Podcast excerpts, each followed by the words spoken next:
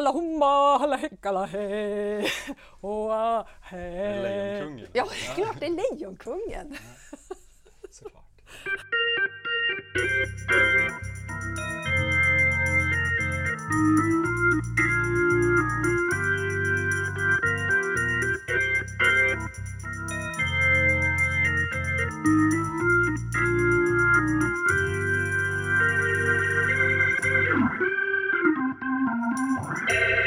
Hej och välkomna ska jag säga till en kvart om Göteborg som är Göteborgs stadsmuseums alldeles egna podd. Eh, och här tar vi upp lite så här olika kulturhistoriska aspekter på sånt som händer i Göteborg. Eh, idag så är det jag Ylva som jobbar som intendent på Stadsmuseet och Och det är jag, Christian, som är bebyggelseantikvarie som står här Mm. bakom mikrofonerna. bakom mikrofonerna. och vad är dagens tema? Ja, vad är det? Ja, vad är det? Det är faktiskt barn i stan. Eh, och varför är det det? Ja, för att barn finns helt enkelt. För att eh, de använder och behöver plats i våra städer. Eh, det finns såklart ett rättviseperspektiv på det här, att vi ska planera för alla i stan. Men också får man se det till folkhälsan. Barn har spring i benen, de behöver lekutrymmen för att vara, ja, må bra vara friska. Ja, det är viktiga saker helt enkelt. Ja, jätteviktiga. Så, nu har vi med oss vår hink och spade och så vandrar vi lite bakåt i tiden. Hur har det sett ut med plats för lek? Ja, nej men vi får väl göra en liten snabb historik här. Vi Ja. kan ju inte berätta hela leken och barnens historia. Men man kan väl säga att så länge det har funnits städer har det också funnits barn i dem, helt naturligt. Och att eh, de har lekt och funnits på platser som har varit tillgängliga. Det kan väl vara allt ifrån gator till gårdar till ödetomter. Det finns det massor med exempel på. Men det är väl, man måste väl nämna en person som blir någon sorts startpunkt på det här med att plats för barn. Och det är ju den här tysken Friedrich Fröbel. F, det är Friedrich Ja. Fröbel, okej. 1826 så släpper han en bok som heter Barnens uppfostran, översatt till svenska. Mhm. Och den, nej men hans filosofi går ut, det är en pedagogik även för de minsta barnen. Mm. Som han lanserar här och som får stor spridning först i Tyskland och sen i andra länder. Okej. Och han är till exempel den som först myntar begreppet lekplats. För de placerar han bredvid sina skolor, så kallade kindergartens, som han anlägger. Och lite längre fram på 1800-talet så börjar det här sprida sig till Sverige. Hans filosofi och vi tar oss an den och under 1890-talet så öppnas den första barnträdgården som det då heter på svenska efter Fröbels pedagogik. Och trots att det här är 1800-tal så får man väl ändå säga att platser för barn det är ju en 1900-tals företeelse i mångt och mycket. Mm. Och det blir ju tydligare ju längre fram vi kommer under det århundradet. Mm. Jag har ju, eh, höll på säga, inte en käpphäst, men en person då, Alva Myrdal som eh, man kan säga är väl den som har frontat det här med social ingenjörskonst. Och hon har ju massa radikala idéer om det här byggandet utav ett folkhem. Eftersom det är ju så, det är ju så illa på många sätt. Det är dåliga bostäder, fattigdom, arbetslöshet. Och eh, då, då kommer ju också de här tankarna kring barn och deras miljöer. Och 1935 så skriver hon en bok som heter Stadsbarn som jag tycker är så intressant. Jag tänkte jag ska läsa ett citat ur den. Ja. Eh, då skriver hon så här. Små barn passa inte i städerna. Åtminstone inte som städerna nu är beskaffade. Städer är samhällen som avpassats för de vuxnas liv. Även de större barnen har dock där en utvecklingsbefrämjande social omgivning. Men småbarnen förtvina. Var skola de leka? Var skola de överhuvudtaget vistas? Och vad skola de uppleva? Så det Alva säger här är att barn inte överhuvudtaget passar ihop med industrialiseringen eftersom det skapar en barnfientlig kultur. Precis. Det här är ju ett väldigt tidstypiskt citat för hur de styrande tänkte i Sverige Mm. kring barn vid den här tiden. Och den här sociala ingenjörskonsten den fortsätter ju in i det så kallade miljonprogrammet Mm. där man kan säga att den får väl sin peak eller sin höjdpunkt i Sverige under 60-talet så byggs det absolut flest lekplatser Okej. Mm. och förskolor Mm. i Sverige och i Göteborg. Och eh, nej men det här är barnen en viktig del av planeringen och det kan man se på de områden som byggs under den här tiden att redan från början är barnens platser inritade i ritningar och planer. Mm. Vi har till exempel här i Göteborg har vi arkitekten Anna Bransell som är en av de tidiga kvinnliga arkitekterna som ritar ett flertal lekplatser. Mm. Och när då den här SOUn som den heter, Barns utemiljö, kommer 1970 så slås det här verkligen fast med var det ska ligga lekplatser, hur de ska ligga. Det är verkligen det är en tabell och där står det hur långt det ska vara till närmaste små, småbarnslekplats, hur nä- nära det ska vara till närmare, närmaste större lekplats. Mm. Men är det här ett statligt eh, dokument? Eller? Precis, det är ju en statlig utredning Mm, som kommer här och mm. den säger att man ska inte ha längre än 500 meter från sin bostad till närmaste större lekplats. Mm. Och den här funkar även i Göteborg då kan man säga, den här Den utredningen? Appliceras även på Ja, Göteborg. ja. Ja. Så här är vi då i höjdpunkten på något sätt. Mm. Men när börjar förfallet? Jag tänker, är det här med yuppie-eran och ett ekonomiskt tänkande med finns det pengar i det här? Är det den, är det den formen? Är det då det börjar gå ut för eller? Jag kan väl inte säga att just de två direkt hänger ihop. Det vet jag inte om jag kan svara på. Men det är ju under 80 och 90-talet som många lekplatser börjar förfalla. Man Mm. stänger ner de här tidigare bemannade lekplatserna som har funnits. Men jag tycker inte vi ska, vi ska inte hamna i sådana deppiga tankar just nu. Okej. För vi tog ju våran hink och spade och åkte faktiskt till en, ett ställe. Vi åkte till Hammarkullen. Ja. Och där kom vi då fram, så åkte vi vad som är Göteborgs längsta rulltrappa upp till marknivå. Och vad, vad såg vi när vi kom dit? Ylva? ja men, alltså man, det var en otroligt vacker dag får man säga. Men, Ja. Så det var kanske en anledning, men det var otroligt mycket barn överallt. Eh, som sprang runt. Eh, och sen så det här att det är så grönt och kuperat i det här området. Ja, vi såg ju jättemånga bra exempel på välplanerade lekplatser Mm. eller ytor för lek. Eh, alltså nu fanns det till och med en öppen bemannad parklek igen. Ja. Efter att de har varit stängda under många år så har de öppnat på ett antal ställen i Göteborg varav Hammarkullen är ett av dem. Mm. Ja, det var jätteroligt. Den här gungan som jag provade. Mm. Alltså det var jätteroliga grejer. Och jag vet inte vad du låg i för en sorts snurrevupp. Det var som Ja, sorts... det var någon konstinstallation slash Ja, lekredskap. men precis. Ja, men det var verkligen det var fina grejer liksom. Ja, och det kan man väl se här då. Trots att man har byggt om och gjort om så finns de här strukturerna som var planerade från början kvar. Mm. Och just det här som många forskare vi har läst inför det här avsnittet hävdar, just det här platsen för flexibel lek. Mm. Där barnen själva får bestämma hur och var de vill leka. Finns det verkligen plats för här Mm. runt om i Hammarkullen? Vi såg ju till och med lekplatser vid, utanför kyrkan. Alltså till och med vid tvättstugan så hade de satt upp så här så man kan stå och sköta tvätten och ändå ha lite koll på sin eh, telning, liksom när de är och gungar eller Ja. grejer där utanför.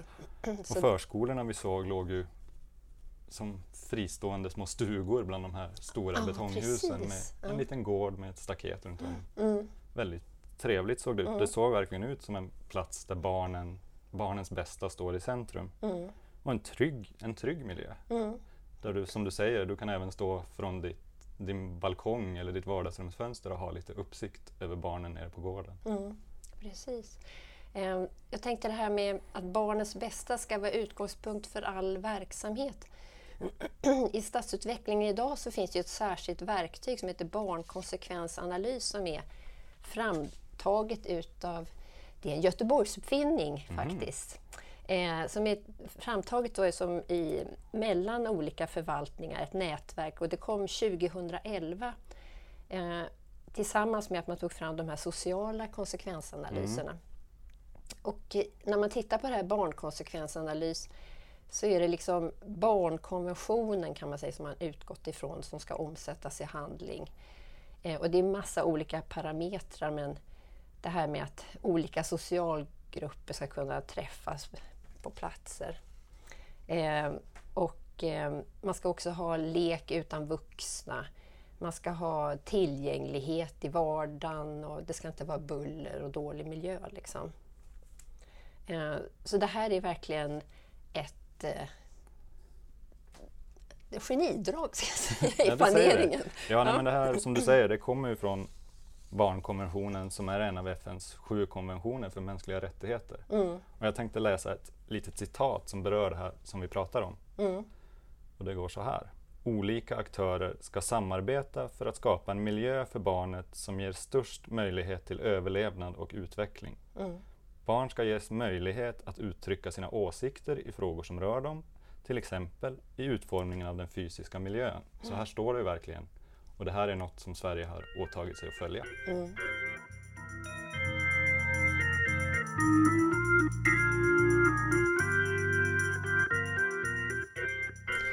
Eh, det här var ju Hammarkullen. Mm.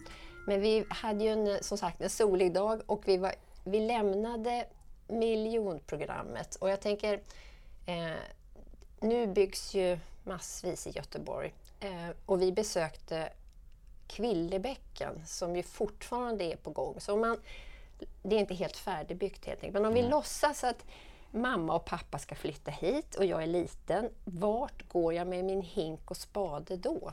Ja, det är ju frågan. Vi tog ju vagnen hit från Hammarkullen då och promenerade runt i stadsdelen som bland byggkranar och byggställningar men även färdiga kvarter såklart. Mm. Det är ju någonstans mitt i. Och vad man kan säga är att det fanns ju gott om ekologiska kaféer och juicebarer i gatunivån. Ja, verkligen. Men, eh, och de har planerat i den här stadsdelen att de kommer behöva bygga 11 till 12 förskoleavdelningar. Mm. Och vad var, det, vad var det vi såg när det kommer till det? Ja, men precis, om man säger, jämför då med Hammarkullen med de här mer fristående Mm. eh, förskolor så var det här mer som man tänker sig som en butik i bottenvåningen. Eh, så att det var ju liksom med en liten utegård.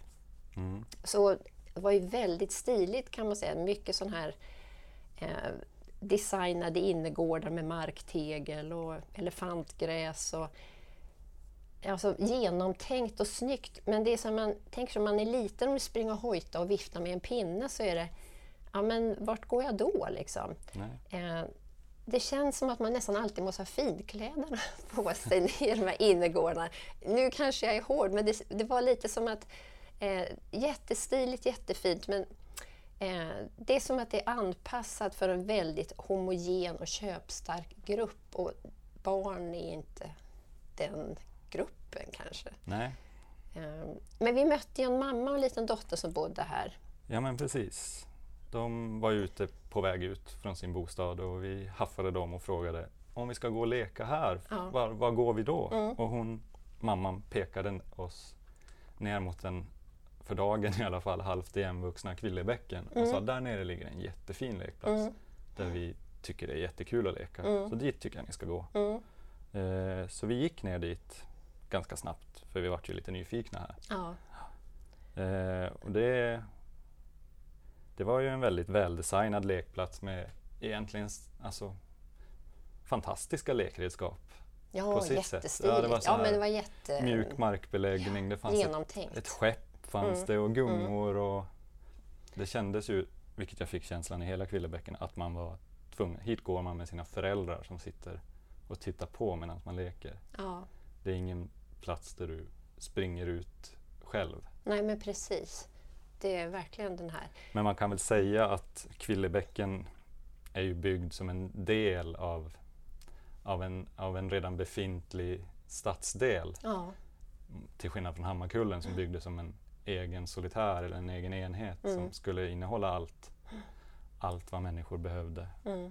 Här kan man ju dra nytta av att det finns lekplatser och förskolor i närliggande områden såklart. Mm. Det är en skillnad mellan de här två områdena som jag tror är viktig att lyfta Mm. fram. Mm. Ja, jag tänkte det här, vi mötte ju också två killar som höll på att bygga en lekplats på en av de här gårdarna eh, till någon ny förskola som skulle öppna. Då, och, eh, då så var de igång där och så sa den ena, ja det blir ju inte så grönt här precis. Eh, och som en liten pyttig sån där utsläppsgård nästan då. Man kan säga, och inte heller så soligt då eftersom den ju ligger Det blir mycket skugga också från de här balkongerna som är på de här innergårdarna för att alla lägenheter verkar nästan ha en egen balkong. Ja, det var ju ganska trångt. Nej, men som du säger, alltså, var ska man, om man vill leka med pinne är det ju svårt här för några pinnar står inte att finna. Precis. Och Kvillebäcken är ju just ett exempel på den här, de här förtätade stadsdelarna som, som byggs i Göteborg Mm. nu. Eh, där exploateringstalen som gäller för det som byggs efter Kvillebäcken är ju egentligen högre än det här. Mm. Så man kan ju undra alltså, hur tät, i en sån här tät stad som inte har funnits i Göteborg, hur mycket plats blir det för, för barn där? Mm. Och, alltså om det här, för nu var det inte jättemycket plats i Kvillebäcken. Nej, Och det ska vi säga att den här barnkonsekvensanalysen fanns ju inte framtagen då. precis. Så man får också precis ta- fram det faktiskt. Men det blir ju spännande att se Mm. hur man ska lösa plats för barn om vi ska bygga ännu tätare i Göteborg. Ja, precis. Eh, och där finns det ju lite hårresande exempel från Årstadal i Stockholm där man bygger förskolor som har mellan 3,6 till 11 kvadratmeter per barn. Mm. Eh, och det här är från en rapport som vi läser som heter Barn och äldre i tätstad. Och för att dra ett exempel, då, det finns suggor som ska grisar som det heter när de ska föda smågrisar, de behöver fyra kvadratmeter så då räknar man i alla fall större yta för smågrisar än man gör för barnen i de här, vissa av de här miljöerna. Ja, Eh, och vi har ju till och med hört om arkitekter som, som ska rita förskolor som ringer och undrar om barn måste ha fönster. Eh, och argumentet är ungefär att det finns väl ingen arbetsmiljölag som täcker in barn så då kan man väl nästan strunta i det. ja, man skrattar ju lite men det är ju men hemskt. det är helt hårresande. Ja. Ja. men det är faktiskt det. Och det här kopplar ju an lite, det har ju varit en debatt lite i medier om det här med förskolor på tak. Mm. Och där har vi en undersökning i Köpenhamn som visar att just de här förskolorna på tak på en ganska begränsad yta, de leder till både ökad oro hos de anställda som le- leder till ett ökat säkerhetstänk kring barnen, vilket i sin tur leder till att barnen får en mindre utevistelse Mm. på förskolan. Mm. och Vilket i längden påverkar den här folkhälsan vi inledde att prata om. Ja. Och då finns det ju en risk helt enkelt att folkhälsan påverkas negativt när barns utemiljöer och lärandemiljöer utarmas. Ja, och det, alltså det finns stora risker med det här. Mm, Mm. Absolut. Och det kan man säga, det är väl en av de här grejerna med eh, barns rättigheter är ju alltid kopplat till vuxnas skyldigheter. Så är det. Så är det, för att även om man tar in barn i, eh, i barnkonsekvensanalysen och försöker lyssna på dem så är det fortfarande de vuxna som ska ta beslut kring det här. Så är det. Och med cirka 40 000 barn i förskoleåldern år 2020 så borde det finnas möjligheter att bygga bättre platser för barn än vad vi har sett hittills. Jag tror ju inte att den bästa lekplatsen eller den bästa förskolan är byggd ännu. Nej. Så vi, vi antar helt enkelt att den lekplatsen är inte en historisk parentes. Nej, länge lever hink och spade säger jag. Hink och spade, vi tror på dig! Ja. Hej då! Hej då! Thank